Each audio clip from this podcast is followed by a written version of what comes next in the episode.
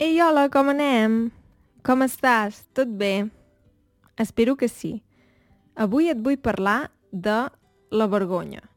Hi ha coses que et facin vergonya? Per exemple, hi ha molta gent a qui li fa vergonya parlar en públic o parlar en una llengua que encara no dominen. Sí, i avui parlarem d'això. Moltes gràcies als que em doneu suport a Patreon i a Ko-Fi i si tu també em vols donar suport, pots fer-ho en aquestes dues plataformes o simplement pots compartir els meus vídeos, compartir el meu podcast i així ajudar-me a seguir creixent i a seguir creant contingut. Si ho fas, t'ho agraeixo de tot cor. I res, si ja esteu a punt, comencem. Som-hi!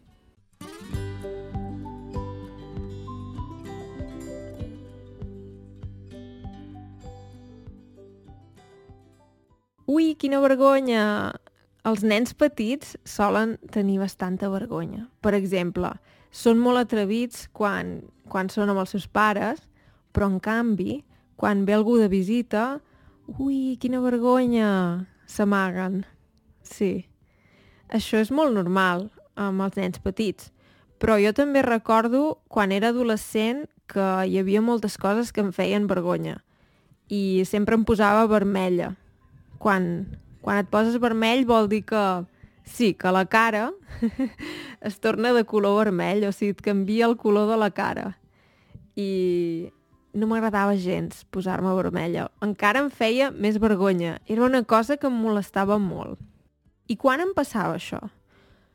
Quan era adolescent jo era molt tímida i llavors hi havia moltes coses que em feien vergonya. Per exemple, quan em feien sortir a la pissarra a la classe de matemàtiques. Oh, no m'agradava gens, em feia una vergonya.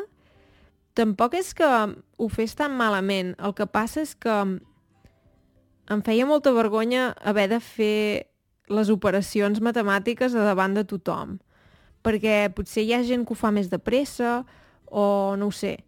Jo en aquell moment pensava, ai, quina vergonya, no, no puc pensar. Em costava pensar perquè només pensava ai, i si no ho sé fer, i si no surt bé, i, i ara tothom em mira, i coses així.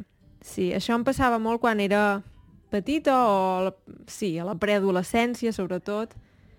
Sí.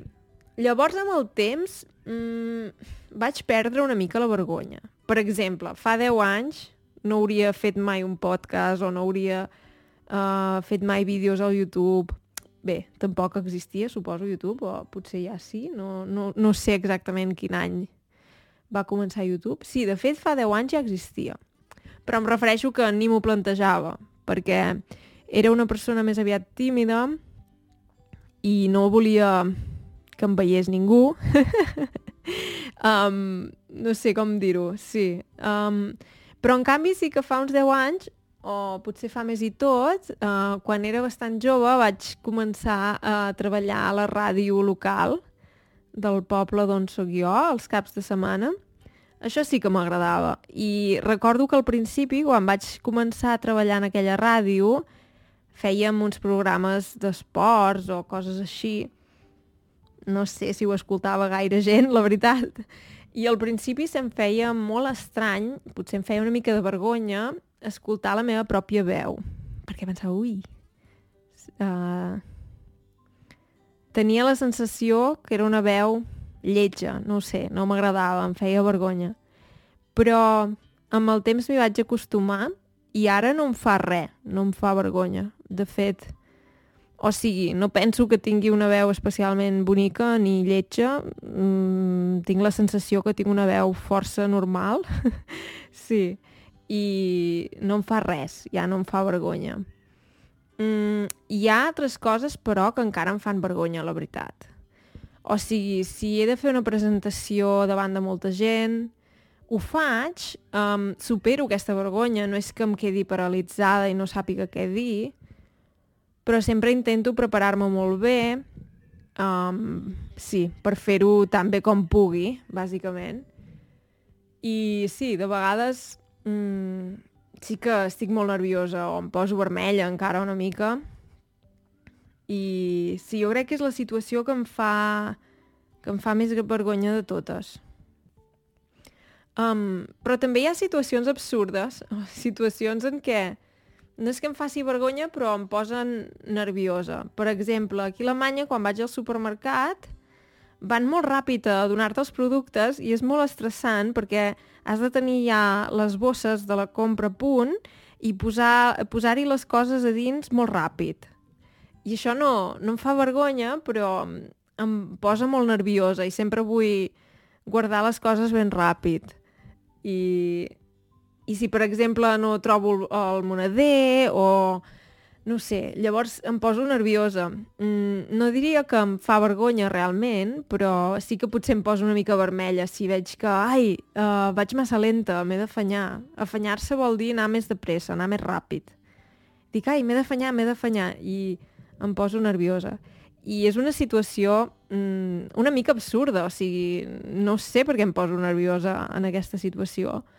Um, potser perquè hi ha aquest element de la gent està esperant, la gent està mirant, um, potser fins a un cert punt la gent està jutjant, um, que això és el que pot fer que passis vergonya, que et sents jutjat o et sents observat.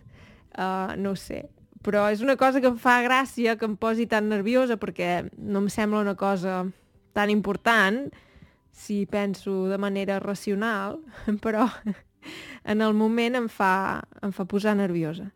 Um, a tu hi ha coses que et facin vergonya? Quines? Si vols compartir-ho, pots venir al canal de YouTube i deixar un missatge. O també em pots enviar un missatge a l'Instagram.